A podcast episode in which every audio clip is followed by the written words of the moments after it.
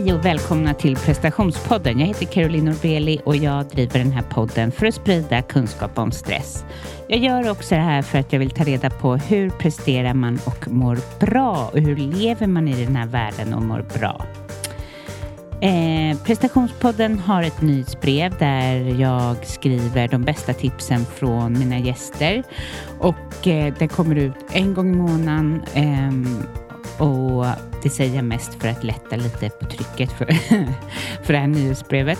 Men hur som helst, vill du ha det så gå in på carolinorbeli.com och signa upp. Hoppas det är bra med er. Jag eh, mår bra. Jag sitter här på Danderydsgatan och är lite pollenallergisk så något gröt i huvudet men jag ska göra mitt bästa. Tack snälla för all beröm som jag fick från förra avsnittet prestation eh, där jag pratar kring prestation och prestationskrav. Det är jätteroligt att ni gillar att lyssna på mina egna avsnitt för det tar inte jag som någon självklarhet. Det här har ju varit, från början varit en intervjupodd och jag har gjort de här avsnitten men det här är faktiskt första gången jag kände att det var riktigt kul. Ja, men det var första gången som jag kände att det var lätt att prata och att jag inte kände stressen, ni vet, när det blir tyst. som man sitter bredvid en vän som man är obe... eller inte en vän. Så det kan kännas som att sitta bredvid någon som man är obekant med och bara nej, här kommer tystnad. Men ja, jag är så tacksam för alla som skriver till mig hela tiden. Det är så gulligt och det värmer så mycket och jag kan nästan, vet ni när man har så lite dåliga dagar själv ibland, så kan jag inte riktigt förstå att det är sant. Alltså, dels bara, va? Har jag en podd? Nej, men, men nej, inte riktigt så, men jag blir bara så varm av att, att ni tycker så bra om, om podden, men också det ni skriver. Tack snälla. Men hur som helst ska jag försöka hålla flera egna avsnitt för att som sagt, jag fick, tyckte att det var väldigt kul, kul sist och eh, det kändes som att jag mm, nådde fram bättre. Så vi får se. Ni ser, prestation, det var ett avsnitt om prestation och här bedömer jag min egen prestation. Men, men. det är som det Ja, vad har hänt sen sist? Jag har, eh, jag har mycket mycket som slår mig nu för tiden är ju att folk blir så gamla och det är ju hemskt. Alltså, det är det som, om jag ska verkligen vara ärlig vad jag går och bär på så är det bara shit. Nej, mina föräldrar börjar bli så gamla och att jag jag reagerar på att folk åldrats. Det är ju det här med, eh, med pandemin, att man inte har setts på ett tag. Och så kommer jag ut och jag kan väl vara lite enstöring kanske. Så när jag väl kommer ut så har folk hunnit åldras, och, alltså även jag säkert. Men det är bara så befängt. Ja, det är verkligen som min pappa sa en gång till mig när jag var liten att att vara, då tyckte jag väl han var gammal då när han kanske var 50 eller något och nej, han var yngre än det. Att han kände sig som 21 ja, jag känner mig inte som 21. Jag känner mig nog som den jag är. Men eh, jag känner mig nog som 45. Men, men det är ändå befängt. Och det jag skulle verkligen vilja prata mer om är att vi måste i det här samhället och det skulle man kunna vara med och bidra till att försöka lyfta vad fantastiskt det är med åldrandet vad underbart att man får vara med eh, längre, alltså för varje dag. Jag vill, vara, jag vill ju vara med hur länge som helst. Men också den här japanska tanken att, eh, vad heter det nu då? Jo, att eh, klimakteriet kallar de för second spring. Second spring, hur fint? Alltså det är, det är precis det det är. Så står du som lyssnar och balanserar på det här. Att man undrar när kommer man i klimakteriet egentligen? När kommer jag in i second spring? Det ska bli jättehärligt att blomstra igen. Visst det, låter det fint? Ja, men eh, det var det som går i mina tankar och sen är det väldigt mycket kring gränssättning. Um, mycket för att jag jobbar väldigt mycket med mina kunder kring gränssättning och jag funderar över hur knäppt det är att vi inte har lärt oss det. Och jag ser tillbaka till min barndom så förstår jag att jag har inte lärt mig det alls. Uh, mina föräldrar har liksom visat mig att man ska skänka sin själ till sitt jobb och inget, inget annat är viktigt. Uh, lite så. Men och det är ju olika varför man gör det och att man inte får något, att det är så knäppt att vi då inte får lära oss eller lär ut hur, hur man sätter gränser. Vad är rimligt? Jag la ut på Instagram en cirkel. Eh, jag kommer inte ihåg exakt vad jag skrev där, men det är så här, this is how much you can do. Så var det en pytteliten cirkel och det här är allt vad du vill göra. Och så var det en enorm cirkel. Och det är också gränssättning. Att förstå hur mycket, alltså hitta din gräns i hur mycket du tänker göra till exempel under den här våren.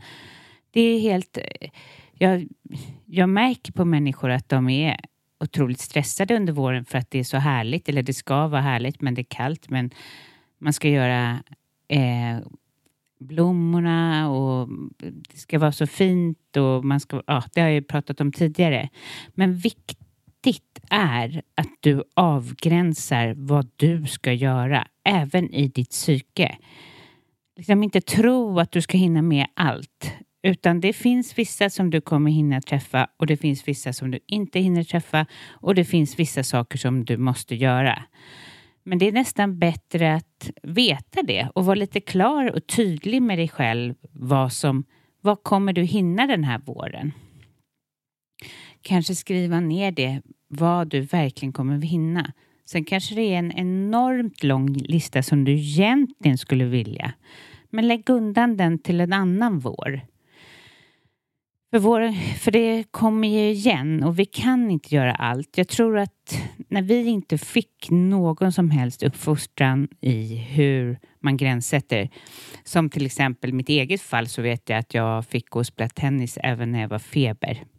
Hade feber. Alltså, då visade de mig ju ganska tydligt att strunta i dig själv för det är viktigt hur du presterar. Jag spelade ju på en... Jag tävlade ju så det var ju så viktigt att jag gick och spelade. Men Um, och jag tror att det är många som känner igen sig, kanske inte just den, men jag har, de flesta av mina kunder pratar om samma sak. Att man fick bara veta att man skulle prestera men inte hur viktigt det var att avgränsa sig och att säga nej till prestation. Eh, att, och, och, och hur... Till slut så... Jag, jag, kan tänka mig också, eller det var det jag skulle... Nu tappar jag bort mig själv. Jo, men det är det också att nu har vi ju så extremt mycket. Världen är extremt öppen och stor. Alltså, det finns ju alla möjligheter. Och för oss då, som kommer ifrån att man ska lägga ner eh, sin själ i allt. Ehm, då blir det för mycket. Vi kommer ju verkligen vara tvungna. Jag tror att våra barn kom, de, de växer ju upp med att allting finns direkt.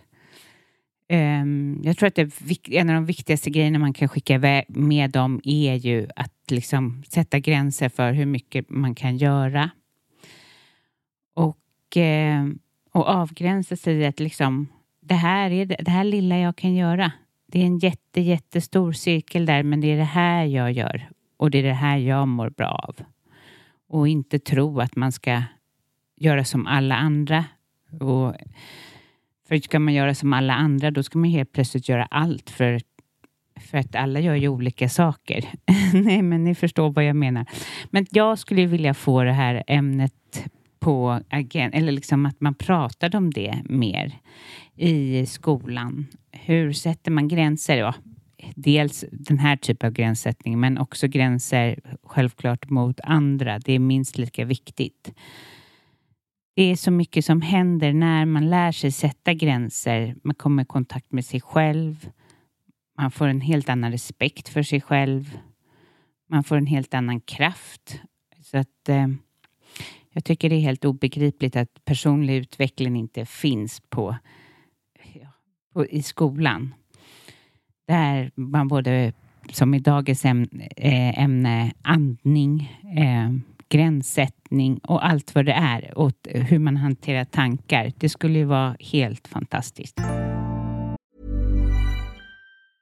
There's never been a faster or easier way to start your weight loss journey than with plush care. PlushCare accepts most insurance plans and gives you online access to board-certified physicians who can prescribe FDA-approved weight loss medications like Wigovi and Zepbound for those who qualify. Take charge of your health and speak with a board-certified physician about a weight loss plan that's right for you. Get started today at plushcare.com slash weight loss. That's plushcare.com slash weight loss. plushcare.com slash weight loss. Ever catch yourself eating the same flavorless dinner three days in a row? Dreaming of something better? Well, HelloFresh is your guilt-free dream come true, baby. It's me, Kiki Palmer. Let's wake up those taste buds with hot, juicy pecan-crusted chicken or garlic butter shrimp scampi. Mm. Hello Fresh. Stop dreaming of all the delicious possibilities and dig in at HelloFresh.com. Let's get this dinner party started. Here's a cool fact a crocodile can't stick out its tongue. Another cool fact you can get short term health insurance for a month or just under a year in some states. United Healthcare short term insurance plans are designed for people who are between jobs, coming off their parents' plan, or turning a side hustle into a full time gig. Underwritten by Golden Rule Insurance Company, they offer flexible, budget friendly coverage with access to a nationwide network of doctors and hospitals. Get more cool facts about United Healthcare short term plans at uh1.com. Quality sleep is essential. That's why the Sleep Number Smart Bed is designed for your ever evolving sleep needs. Need a bed that's firmer or softer on either side? Helps you sleep at a comfortable temperature? Sleep Number Smart Beds let you individualize your comfort so you sleep better together. JD Power ranks Sleep Number number 1 in customer satisfaction with mattresses purchased in-store. And now, save 50% on the Sleep Number limited edition Smart Bed for a limited time. For JD Power 2023 award information, visit jdpower.com/awards. Only at a Sleep Number store or sleepnumber.com.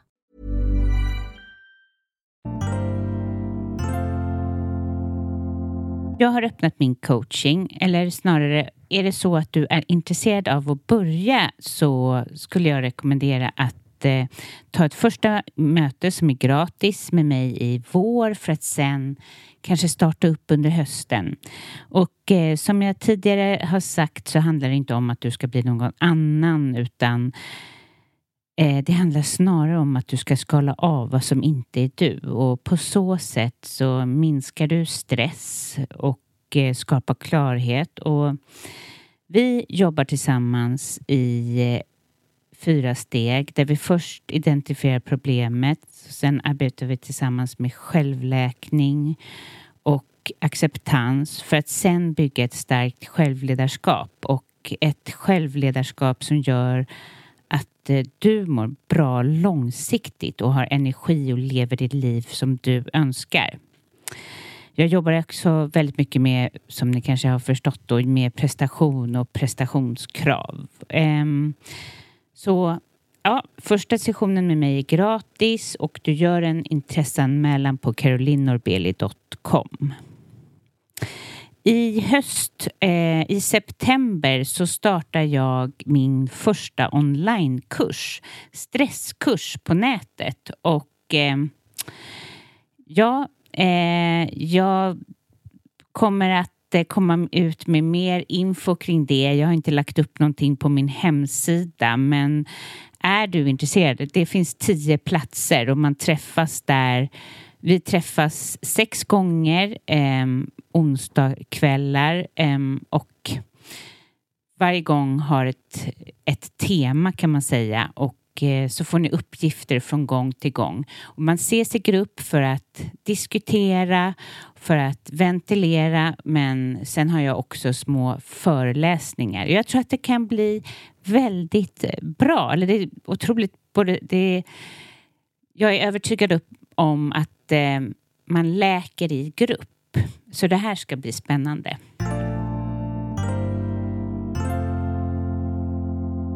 För det här avsnittet så har jag intervjuat Anders Olsson och eh, han jobbar på ett företag som heter, eller har startat ett företag som heter Medveten andning.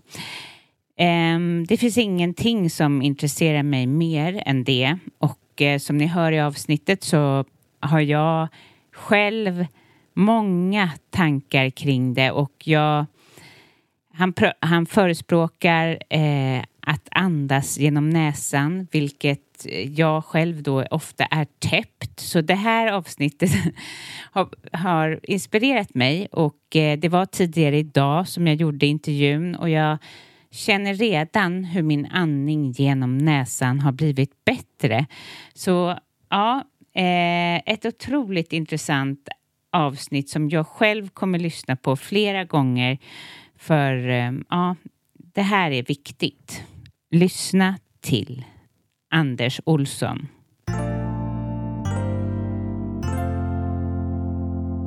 Hej och välkommen till prestationspodden Anders. Tack så jättemycket Caroline.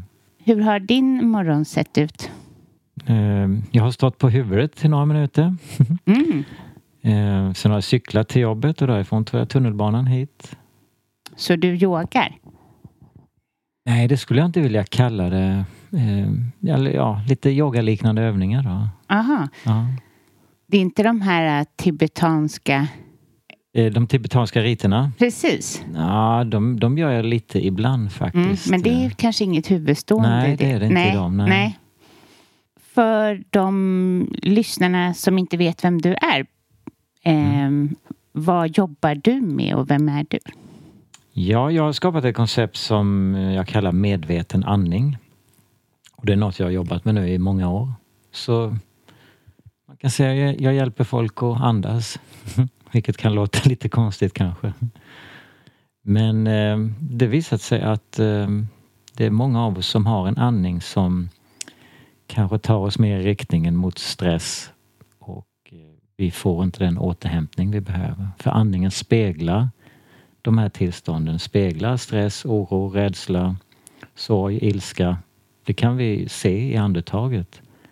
Och eh, eftersom världen ser ut som den gör med mycket eh, stimuli som vi matas med så är det lätt att vi eh, hamnar där, att vi är mer i de här känslotillstånden eh, och stressen och då speglar andningen det. Men det andningen också är, det är ett verktyg. Det är inte bara en indikator utan det är också ett verktyg. Vi kan enkelt ta kontroll över andningen och då kan vi påverka i alla processer i kroppen som hjärta, och hjärna och matsmältning.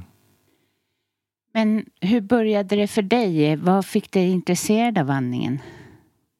Ja, det var ju för att det gav sån stor effekt på mig själv. När jag tittar tillbaka och tänker på mitt liv när jag växte upp och eh, långt in i vuxen ålder så har jag alltid haft en en turbo ilagd mer eller mindre. Det har alltid handlat om att prestera faktiskt. Eh, svårt att slappna av, svårt att gå ner i varv. Eh, och det fick jag, det verktyget i andetaget. Vad, vad jobbade du med då? Jag, drev, eh, jag har ju varit entreprenör, drev ett eget företag i mer än 30 år nu så innan var det inom IT-världen då. Men, och vad var det du fann när du började eh, intressera dig för andningen? Hur, hur, vad hände?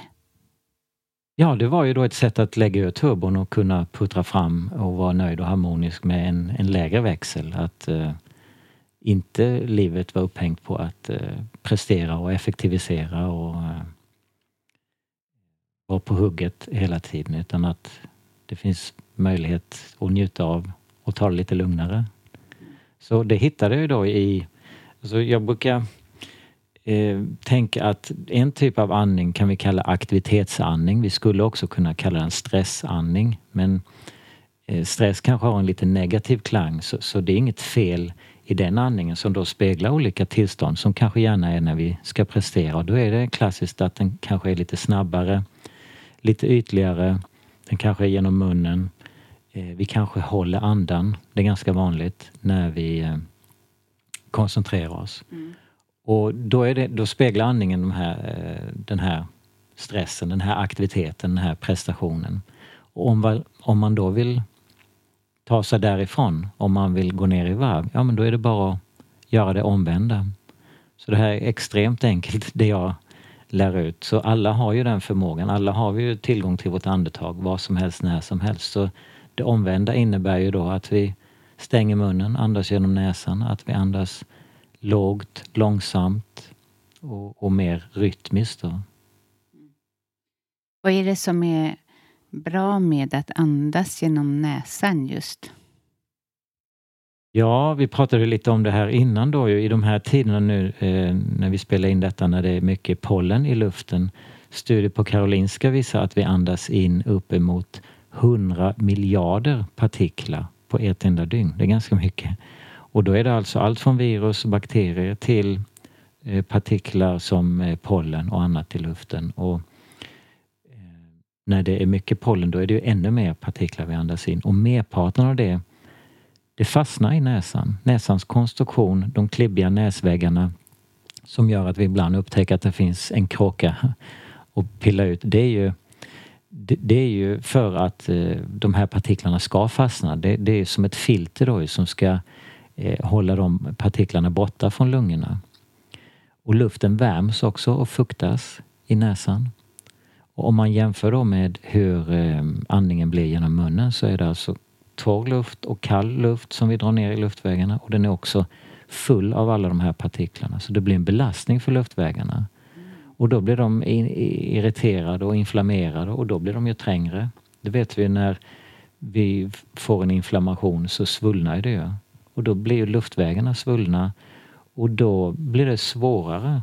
Då blir det trängre passage, då blir det svårare att få ner luften i de lägre delarna av lungorna. Så då, då hamnar vi där med munandning i ökad utsträckning i den här aktivitetsandningen, den här eh, I yt, bröstet. Ja, mm. ytliga mm. bröstandningen, precis. Vad kan man göra då om man känner att man har svårt med andningen? Ja, det finns tyvärr ingenting att göra. Nej, jag bara skojar.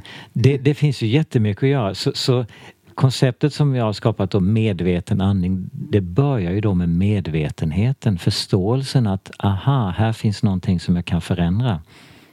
Här finns eh, en koppling. Jag, om jag börjar se, lägga märke till min andning och börja se att det finns en koppling mellan när jag är lite uppe i varv, stressad, när jag är lite orolig, när jag är lite rädd eller arg och, och börja notera då att eh, andningen följer de här tillstånden och vill jag ta mig ur de tillstånden och förändra dem så kan jag förändra min andning. Och det är helt enkelt bara att eh, börja bli medveten och sen så börja tillämpa de här principerna. Så några saker jag tipsar om då det är ju min absoluta favorit det är ju fysisk aktivitet med stängd mun. Mm. Så att man andas genom näsan. Och då, det är ju lite så, if we don't use it, we lose it. Om vi inte använder näsan, om vi går omkring och stressar hela mm. dagarna eh, och andas genom munnen, då kommer ju näsans funktion att försämras. Så när man börjar använda den mer, då kommer den att fungera bättre. Så en, en studie till exempel där man hade eh, tittade på eh, personer som hade haft cancer, då hade de då fått gjort sån här vad heter det, laryngectomy eller någonting där man eh, gör ett hål i halsen så att de får andas genom halsen.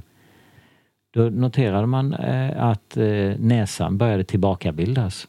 Och det, det, är ganska logiskt, det är så kroppen fungerar. Om vi inte använder någonting, om vi bryter benet och blir sängliggande i flera veckor, då kommer ju eh, musklerna i benet att eh, minska i omfång för kroppen finner ingen anledning att prioritera det.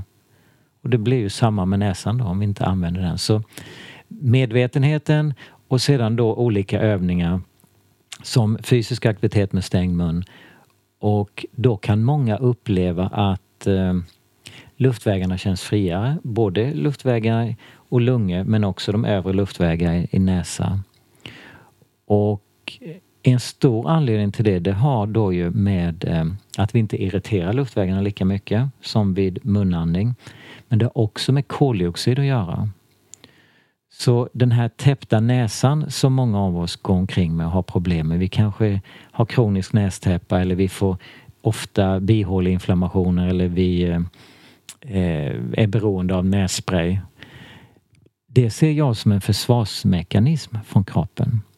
För när vi tar in när vi andas in då tar vi in syre Och sedan så är vi, vi är koldioxidfabriker. Vi tillverkar koldioxid i vår kropp. Det sker i ämnesomsättningsprocessen i våra mitokondrier när syret och näringen omvandlas till energi och värme och vatten och också då koldioxid. Och sedan när vi andas ut, då andas vi ut överskottet av koldioxid. Men när vi stressandas, när vi andas lite högre upp i bröstet, då det är inte det lika inne, det är inte lika effektivt så vi kompenserar då genom att andas snabbare vilket innebär att vi tar in mer syre än kroppen behöver.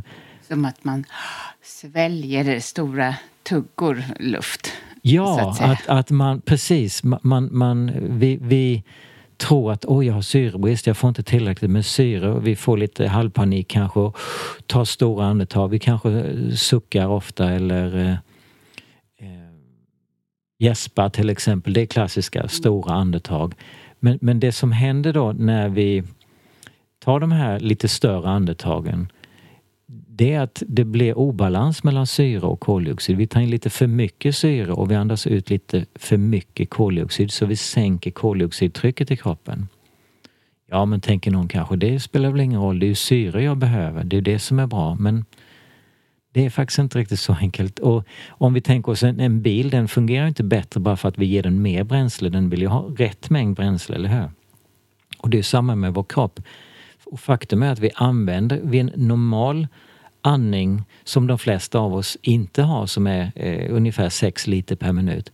Då använder vi bara en fjärdedel av den mängd syre vi andas in när vi befinner oss i vila. Resten andas vi ut igen. Det är därför som mun mot mun-metoden fungerar. Annars hade det aldrig funkat om inte vi hade blåst ner eh, eh, luft som innehåller syre i den andra personens lungor. Så vi har eh, alltså ingen att vinna på att ta ett stort andetag. Men, men den, andra, den negativa effekten då med koldioxid, det är någonting som de flesta inte känner till. För koldioxid i min värld, den, det är den som banar vägen för syret. Så det som får oss att ta nästa andetag, det är inte brist på syre. Utan det är faktiskt det här äh, överskottet på koldioxid som byggs upp och när det når en viss nivå så triggar det vårt andningscentrum i hjärnstammen där vi har våra överlevnadsfunktioner. Och då blir det för frekvent, den andningen blir för ytlig då? Ja, här i, i, i hjärnstammen då har vi ju många över, alla, alla överlevnadsfunktioner som eh, hjärtslag och temperatur och man kan se det lite som när vi får feber då har ju temperaturcentrum ändrats. Då kanske det är inställt på 39 grader istället och den ser till då att kroppen håller 39 grader. Samma sak med vårt andningscentrum då, att det normalt eh, inställt på ett optimalt koldioxidtryck på 40 millimeter kvicksilver. Det, det, är samma enhet som man mäter blodtryck i då. Mm. Men om vi går omkring och är lite stressade så här, ja men då, då ställer vi om vårt andningscentrum precis som vi hade ställt om vårt temperaturcentrum. Så helt plötsligt så, så säger den, nej men nu ska vi bara tolerera 37 istället för 40. Vilket innebär då att vi andas snabbare. Och det som händer då är att koldioxid har en vidgande avslappnande effekt på den glatta muskulaturen. Och den, vi har tre typer av muskler. Vi har hjärtmuskler och skelettmuskler som vi kan röra med, kontrollera med viljan. Och sen har vi den glatta muskulaturen som omger alla håligheter i kroppen. Mm. Till exempel våra blodkärl.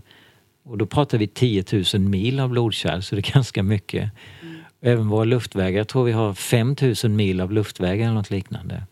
Men också vår magsäck, våra tarmar omges av eh, livmoder och också omges av glatt muskulatur. Mm. Och om vi då eh, sänker koldioxidtrycket i kroppen, vi får alltså obalans, lite för mycket syre och lite för lite koldioxid för att vi aktivitet, mm. aktivitetsandas, ja då då blir de här trånga luftvägarna, den här täppta näsan, det blir en försvarsmekanism från kroppen som vill ju förhindra utflödet av koldioxid och nästan all koldioxid lämnar kroppen via utandning. Så det är ganska logiskt. Så när man förstår principen och förstår att okej, okay, om jag saktar ner min andning, då behövs ju inte den försvarsmekanismen och det är då man kan uppleva att luftvägarna öppnas upp i, i lungor, hals och näsa. Och eh, till exempel kan en del uppleva, pratade med en eh, tjej igår och hon sa det, ja men när jag springer då upplever jag att jag eh, eh, får friare luftvägar. Annars har jag problem hela tiden med min täppta näsa. Och det som händer när vi rör på oss, när vi gör fysisk aktivitet, det är ju att vi ökar vår ämnesomsättning. Så då ökar vi alltså tillgång, eh, produktionen av eh, koldioxid. Mm, jag har inte heller några...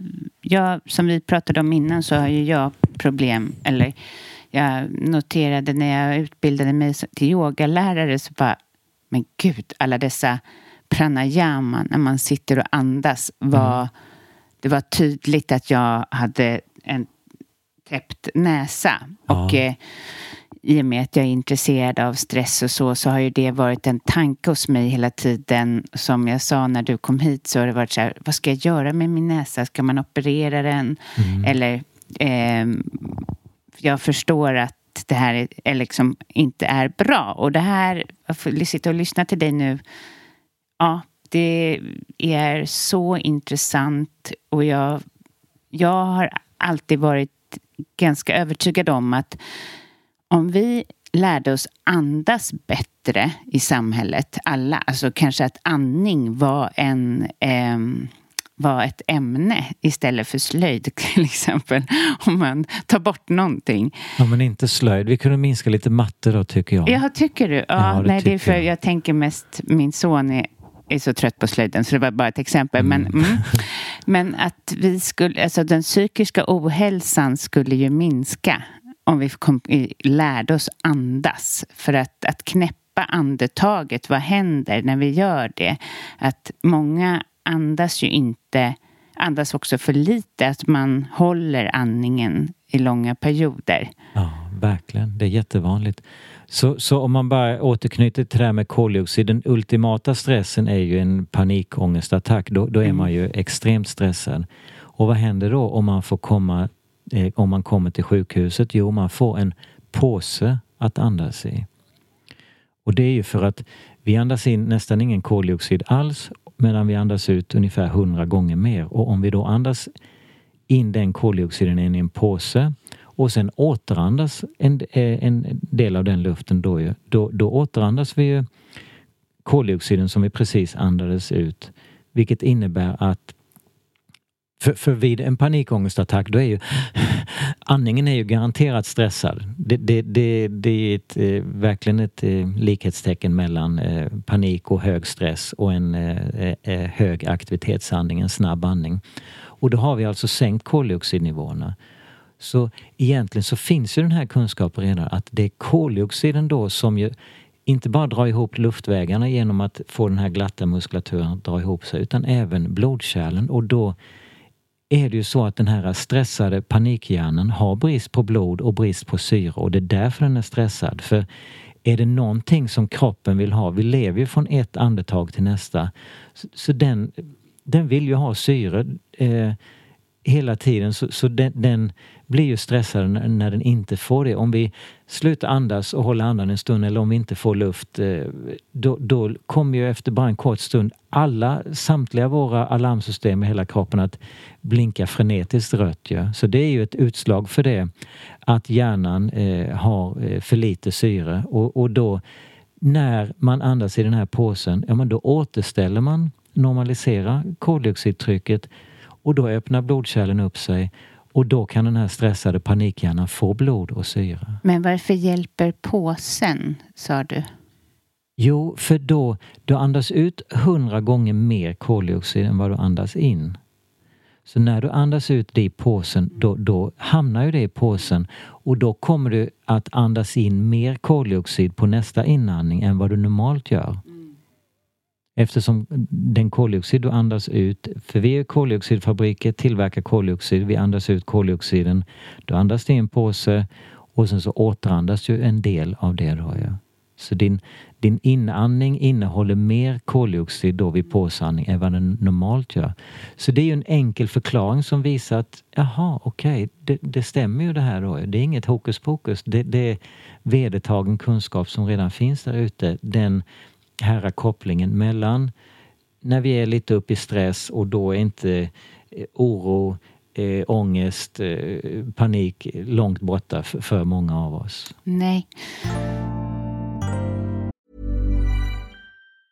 A lot can happen in three years, like a chatbot may be your new best friend. But what won't change? Needing health insurance. United Healthcare Tri Term Medical Plans, underwritten by Golden Rule Insurance Company, offer flexible, budget friendly coverage that lasts nearly three years in some states. Learn more at uh1.com. Ever catch yourself eating the same flavorless dinner three days in a row?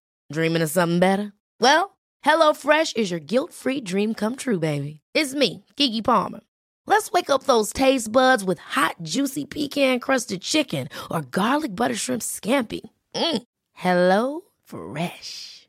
Stop dreaming of all the delicious possibilities and dig in at HelloFresh.com. Let's get this dinner party started.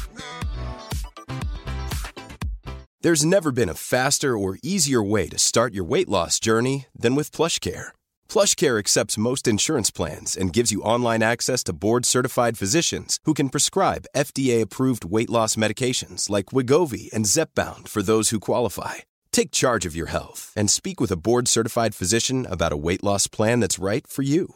Get started today at plushcare.com slash weight loss. That's plushcare.com slash weight loss. plushcare.com slash weight loss.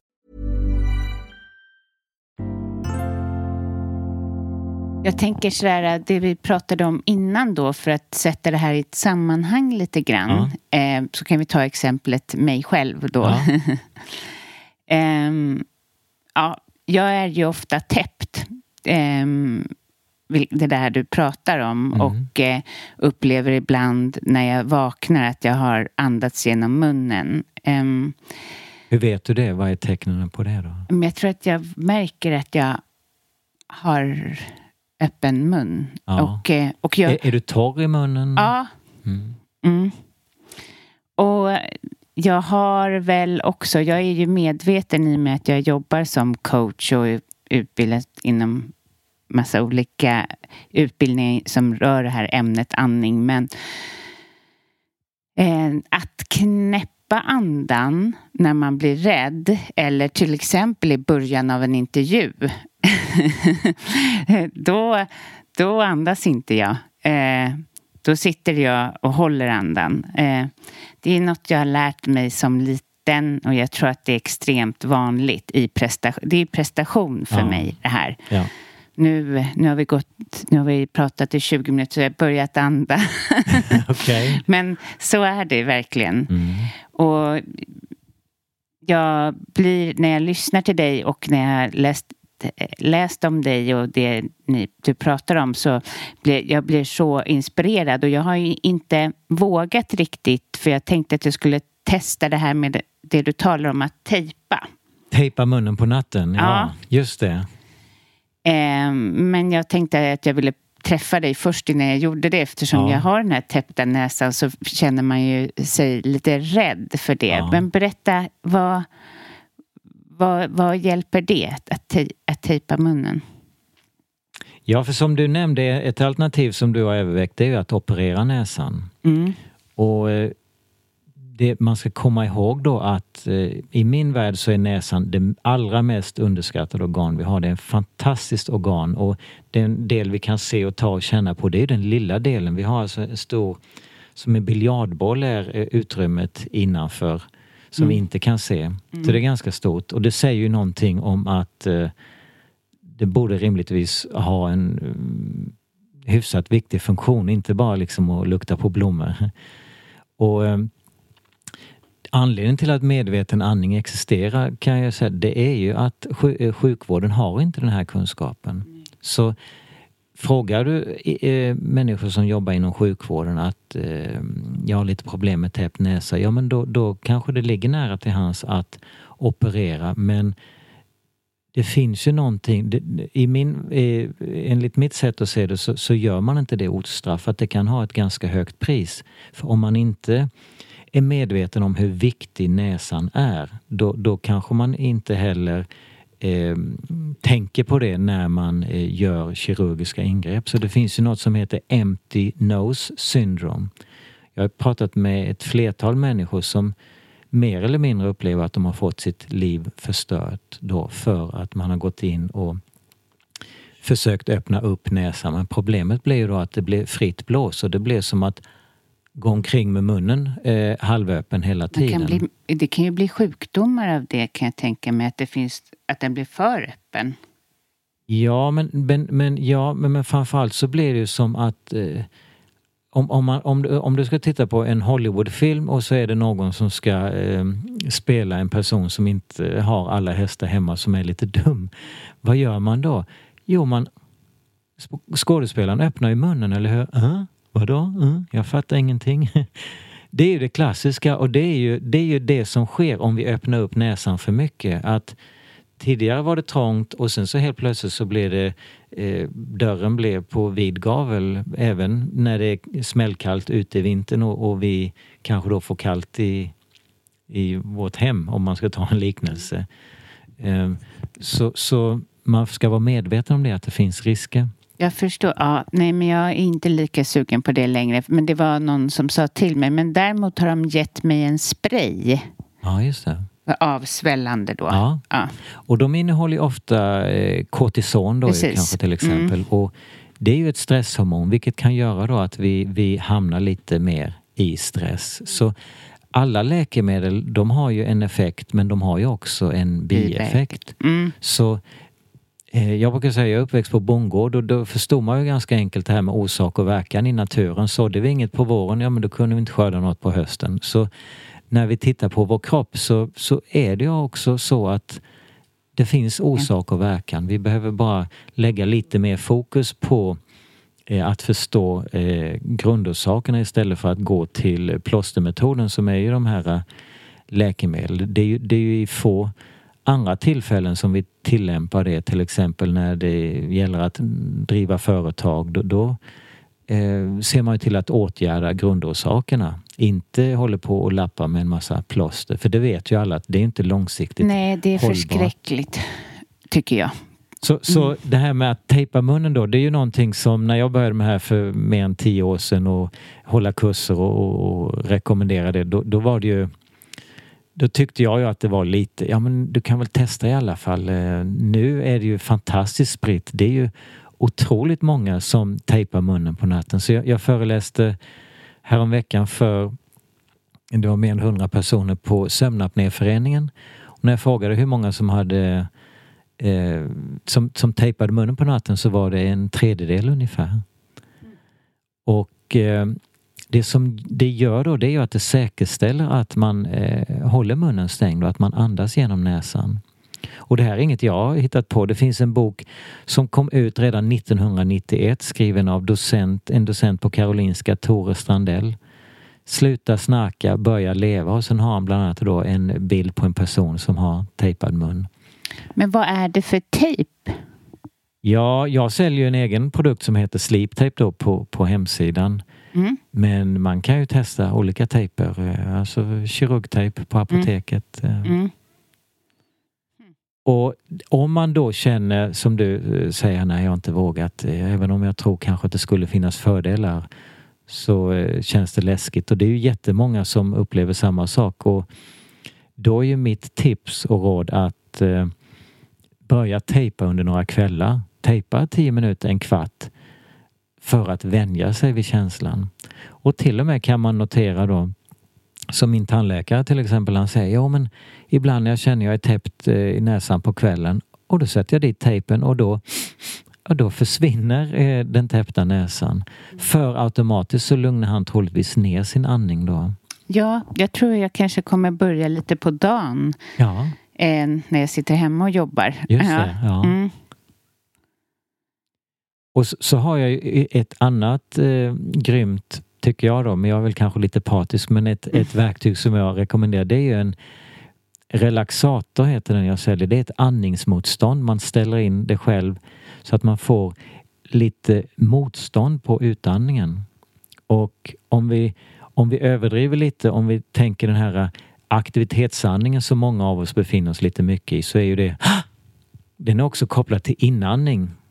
Vi andas in då aktiverar vi kroppen. Då är muskler aktiva, diafragman rör sig neråt, bröstet expanderar, pulsen stiger och vi går mer i sympaticus, mer i kampflykt medan utandning då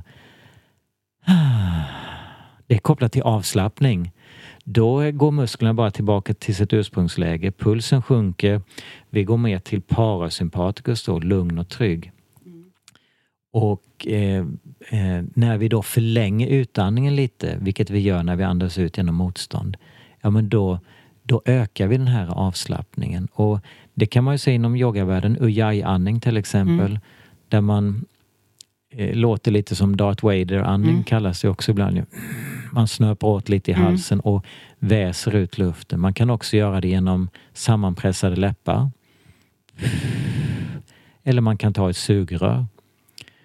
Och då hjälper det en att få till den här eh, vågandningen eh, som jag förordar, den här rytmiska andningen då som är tvärt att hålla på och hålla andan som jätte, jättemånga av oss gör hela tiden.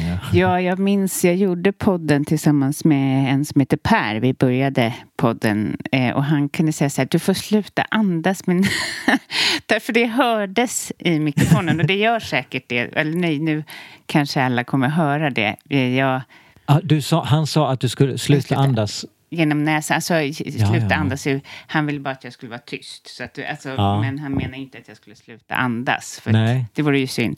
Men, men, men, det är tänkbart att i takt med att din näsa öppnas upp mm. så kommer den att låta mindre och mindre. Och podden kommer expandera.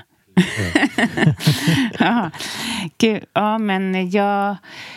Ja, jag ska testa allt det här och jag ska rapportera i podden sen vidare hur det går. Men, det ser jag fram emot. Men eh, jag hörde någonstans också att eh, andning och eh, menstruation, att det finns någon koppling där. Andas vi annorlunda eller? Ja, mm. det har att göra med progesteron. Hormonet som ökar efter ägglossning och är som högst vid menstruation. Va? Och när man har i studier gett katter progesteron och även män så har andningen ökat.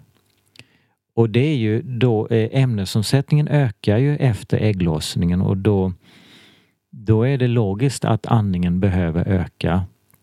Men om man är lite, om man tänker sig ett träd som har eh, lite grunda rötter, det är inte så förankrat i myllan och så kommer det en liten eh, storm, alltså det blir någon förändring, då är inte det här trädet lika eh, bra på att motstå det. Det kanske faller omkull. Så, så om man eh, översätter det till vår vardag där vi har lite för mycket stimuli, lite för mycket saker som pågår hela tiden. Vi kanske eh, inte får den sömn vi behöver. Bara det faktum att vi Många av oss vaknar till en väckarklocka innebär ju faktiskt att vi drar upp kroppen ur sängen när den egentligen vill fortsätta sova.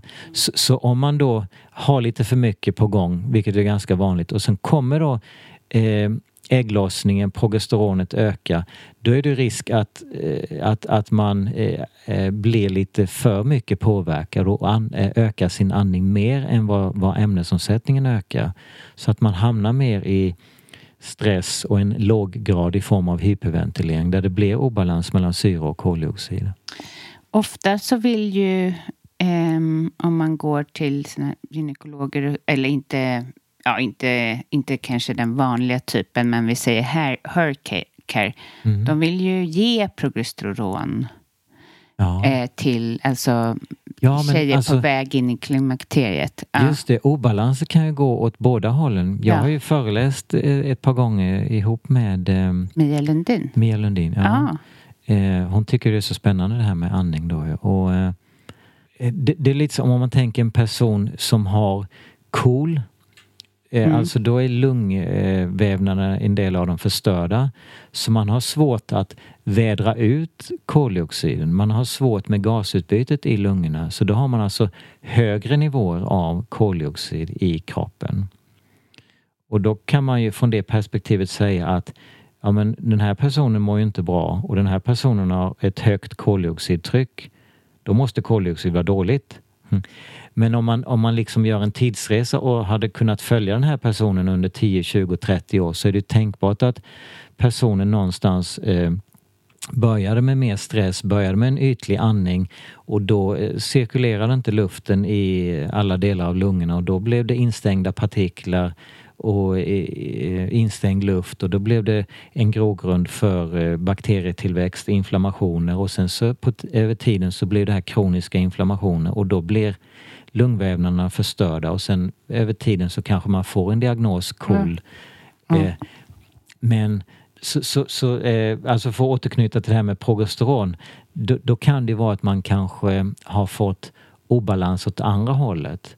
För det tänkbart är ju att den här personen med KOL som har höga nivåer av koldioxid eh, gick omkring och stressandades och yt, andades ytligt och hade då ett lågt koldioxidtryck och sen så helt plötsligt så, så blir det som att vända en hand. Då blir det obalans åt andra hållet. Mm. Så utan att gå in för mycket på det, men, men när man tittar då på olika typer av menstruationsproblem eh, som till exempel värk eller kraftiga humörsvängningar så, så, finns det ju en nära koppling till andningen. Så det här med ett lägre koldioxidtryck och ehm, eh, smärta och värk, kramp, det är ju när den glatta muskulaturen då, som även omger livmodern, den eh, eh, drar ihop sig då och så ger den upphov till smärta.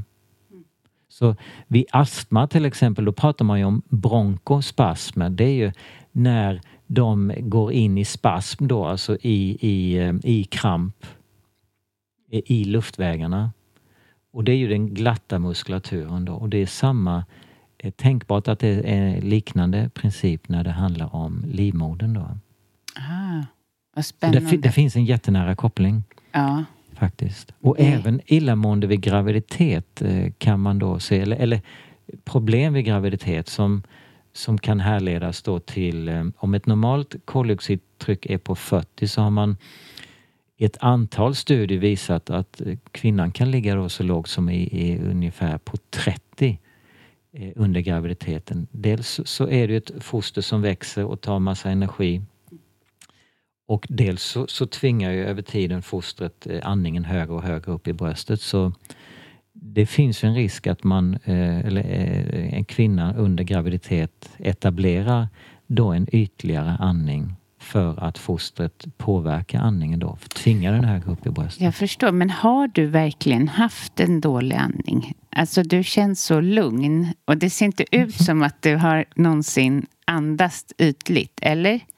Jag lovar att jag, jag har ägnat större delen av mitt liv åt att stressa upp mig själv, ja. stressa upp min omgivning. Redan, det var så länge jag kan minnas i barndomen. Mm. Jag tog tid på allting. Det handlar om att vara effektiv, om att eh, det tog mig 30 sekunder att äta en tallrik cornflakes för att eh, ja, då kanske jag kunde sova en minut längre och, och sen tog jag tid när jag cyklade till skolan och det, det ägde mig, klockan, prestationen. Eh, ja Verkligen. Jo, jag lovar. Jag så det är jättekul när du ja. säger det. Tack. Ja. Faktum är att min, eh, min största, absolut största rädsla det var ju att prata inför folk. Och det gör du nu? Ja, jag var med i Malou eh, efter tio veckan och jag tänkte det för mig själv när jag gick ut därifrån sen. Ja, men det här var ju väldigt bra kvitto på att det jag sysslar med fungerar. För jag kände mig hur lugn som helst. Men på medveten andning, alltså um, vad, vad gör du där? Vad har ni för några, har ni några tjänster eller du föreläser? Vad händer ja, jag med? föreläser en del och så har jag kurser då. Jag utbildar andningsinstruktörer och så finns det också en grundkurs. Eh, och eh, så utvecklar jag produkter också. Jag har ju, nämnde den här sleep tape som man tejpar för mm. munnen och den här relaxatorn som ger ett litet motstånd på utandning. Men de är ju tio år gamla. Men det, nu håller vi på att utveckla tre nya produkter. Så den ena är ett koldioxidbad. Om du tänker du tar på dig en, en dykardräkt ungefär och så fyller man den med koldioxid. Och så ligger man där i tre kvart kanske och tas koldioxiden upp genom huden och så känner man wow, det här är parasympaticus deluxe. Många somnar i, eh, i dräkten då och det som sker är ju att när man tar upp koldioxiden genom huden då så främjar det cirkulationen till huden. Mm. Och en annan produkt heter Carbohaler som då andas man in koldioxid. Eh, sjukvården har ju oftast fokus på syre då och det finns ju även som här hyperbaric oxygen therapy där man utsätts för 100 syre. Men det vi ska komma ihåg är ju att syre är ju väldigt toxiskt också. Mm. Om, om vi tar ett eh, bett i ett äpple och så låter det ligga bara ett par minuter så blir det brunt. Mm. Det är ju för att eh, eh, det reagerar med syret. Och, eller om metall, metall rostar när det utsätts för syre. Så mat vill vi generellt skydda från syre. Och om vi då tar in lite för mycket syre i vår kropp, ja men då ökar vi de här fria radikalerna. Det blir som att vi rostar lite inombords och det är det vi kallar inflammationer. Eh, fria radikaler har många av oss hört talas om. Det är ju fria eh, syreradikaler. Och så säger man att vi ska äta då antioxidantrik mat. Och koldioxiden är vår viktigaste an eh, antioxidant. Så syre och koldioxid, de, de är liksom det är som yin och yang. Så för mycket av det ena är inte bra och för lite av det andra är inte bra utan det ska vara balans då ju. Och ehm, ja, när vi andas in den här koldioxiden då med, med carbohalen då så kan vi hjälpa till att vidga luftvägarna, att, att eh, återställa en bättre balans. Det måste vara ett fantastiskt jobb eh, på det sättet att det skapar så stor förändring i folks liv kan jag tänka mig. Eh, att börja andas rätt. Eh, du måste få mycket Ja, det får jag ju. Och, ja, självklart så hade jag inte hållit på med det här i 13 år nu om det bara hade varit så att jag hade fått effekt då. Utan när Nej, jag min- fick effekt så vill jag ju, eh, var jag Precis. nyfiken och se, vad, kunde andra få samma effekt? Ja. Och det är ju tiotusentals människor nu som har Alltså det är ju hjälp till självhjälp och det är det Ja. som är så häftigt för alla har vi ju tillgång till det här 24 timmar om dygnet. Mm. Och det jag tycker att vi behöver faktiskt, vi behöver en hälsovision, både en personlig hälsovision och en nationell hälsovision. Alla känner till Trafikverkets nollvision till exempel.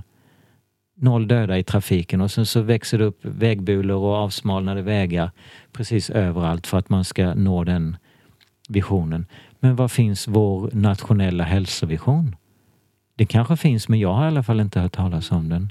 Tänk om vi hade en vi ska bli världens friskaste folk. Eller tänk om vi jobbade på ett företag. Vi ska, ha stans, vi ska vara stans friskaste arbetsplats eller det här ska vara den friskaste skolan i kommunen. Nej, vi ska sätta så mycket plåster som det går på våra... det är kanske deras... Ja. Jag vet inte men, men ö, både en, en nationell hälsovision tycker jag vi behöver som hjälper oss men vi behöver ju också en personlig. Mm. Så min egna den är ju att jag vill leva länge och dö frisk. Och ha en kropp som är med mig som inte hindrar mig i det jag vill göra. Och jag vill göra allt jag kan för att inte behöva eh, piller och knivar och, och sprutor och andra hjälpmedel från sjukvården. Sen, fi- sen finns det ju aldrig några garantier men jag är Nej. beredd att, att ta den chansen, den Verkligen. risken. Verkligen. Eh, Ja, och om de vill komma i kontakt med dig, vad, vad heter din hemsida? Eller var, Den heter medvetenandning.se. mm. Mm. Ja, Men, men får, Ja. jag, får jag tillägga en Ja, sak tillägg. till? Ja, Ja. Det finns ju studier som visar då eh, eh, och jag, jag kan ju fortfarande se hur det mönstret sitter kvar hos mig. Det här med att vilja prestera. Och då är det ju så, när vi sänker koldioxid, ja då höjer vi adrenalin.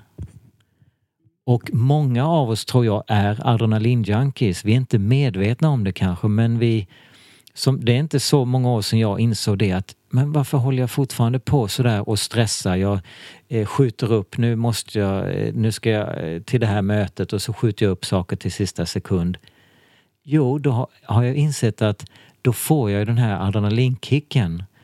Och ehm, det, det är ju så att, tror jag, de flesta av oss, vi har nog ett antal installerade program där på vår interna hårddisk som säger att ja, vi behöver den här och den här mängden adrenalin och då ser vi till att fixa det på olika sätt. Eh, genom att ibland kanske då lägga krokben för oss själva men adrenalinet är viktigare än, än framgången. Så de olika saker vi gör oavsett om det är att träna eller prestera på jobbet så, så, så är vi kanske Det lite... är nog väldigt sant. Alltså Ja. man söker kicken istället och sen så framgången kommer av bara farten i så fall om man har tur. Men att det är många som söker kicken, det tror jag Ja, absolut. att det är det kanske som, som Ja. till exempel när jag eh, nu i alla år jag varit ute och joggat och det är en gång jag mött en person i joggingspåren som har haft eh, munnen stängd och andas genom näsan. De flesta andra ser ut som som om de är jagade av en hel eh, hop eh, elefanter.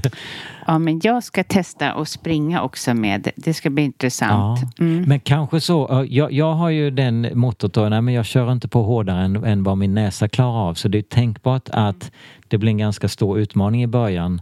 Särskilt om du ofta har en täppt näsa så då kanske du får börja gå. Gå i, i till och med kanske i sakta tempo och Jag kanske kan- till och med få stanna. Ja. Men, men det man kan göra är att göra en kul grej av det och lägga in någon form av intervall eller att okej, det här var lite jobbigt men nu kör jag bort till nästa lyktstolpe och sen så kör jag eh, ja, till nästa lyktstolpe näsandning och sen kör jag som vanligt igen och sen att man undan för undan ja, blir bättre. det är bra. Jag ska inte gå på för hårt. Det, det kommer jag nog inte kunna. Jag kommer nog känna mig lite kvävd i början. Men bara av att sitta här med dig så känner jag hur min näsandning är bättre och att, jag, Mm. att den inte är lika täppt som när du kom. Då kände jag ju bara så här, för att det är pollen och allt så här farligt brukar det inte vara. Men jag uppskattar verkligen det arbetet du gör och hoppas att, eh, hoppas att du får mycket uppmärksamhet och att, du, att fler börjar andas. Ja, uppmärksamhet är jag inte ute efter men, men att, att fler börjar andas Ja, bra, det, det precis. hade varit jättekul. Ja, men det blir en kombo. Tack så mycket. Ja, Ja. tack så mycket. Tack. Tack. Tack till alla er som lyssnar. Ehm, tack, eh, tack om du sprider podden. Podden behöver spridas till andra. um, speciellt om du tycker att avsnittet var bra och kan hjälpa andra så skicka till vänner och bekanta. Skriv på iTunes eller var du lyssnar ifrån eller, eller skriv till mig. Jag blir superglad. Men framförallt så ha en härlig vecka. Eh, Så ja, så kommer podden tillbaka nästa torsdag helt enkelt. Ha det bra. Hej hej! Hi, I'm Daniel, founder of Pretty Litter. Did you know cats tend to hide symptoms of sickness and pain? I learned this the hard way after losing my cat, Gingy. So I created Pretty Litter, a health monitoring litter that helps detect early signs of illness by changing colors, saving you money and potentially your cat's life. Pretty Litter is veterinarian developed, and it's the easiest way to keep tabs on your fur baby's health right at home. Go to prettylitter.com and use code ACAST for 20% off your first order and a free cat toy. Terms and conditions apply. See site for details. Hold up. What was that? Boring. No flavor. That was as bad as those leftovers you ate all week. Kiki Palmer here, and it's time to say hello to something fresh and guilt-free. Hello Fresh. Jazz up dinner with pecan-crusted chicken or garlic butter shrimp scampi. Now that's music to my mouth. Hello Fresh. Let's get this dinner party started. Discover all the delicious possibilities at hellofresh.com. Imagine the softest sheets you've ever felt. Now imagine them getting even softer over time. That's what you'll feel with Bowl and Branch's organic cotton sheets. In a recent customer survey, 96% replied that Bowl and Branch sheets get softer with every wash. Start getting your best night's sleep in these sheets that get softer and softer for years to come. Try their sheets with a 30-night guarantee. Plus, get 15% off your first order at bowlandbranch.com. Code BUTTERY. Exclusions apply. See site for details.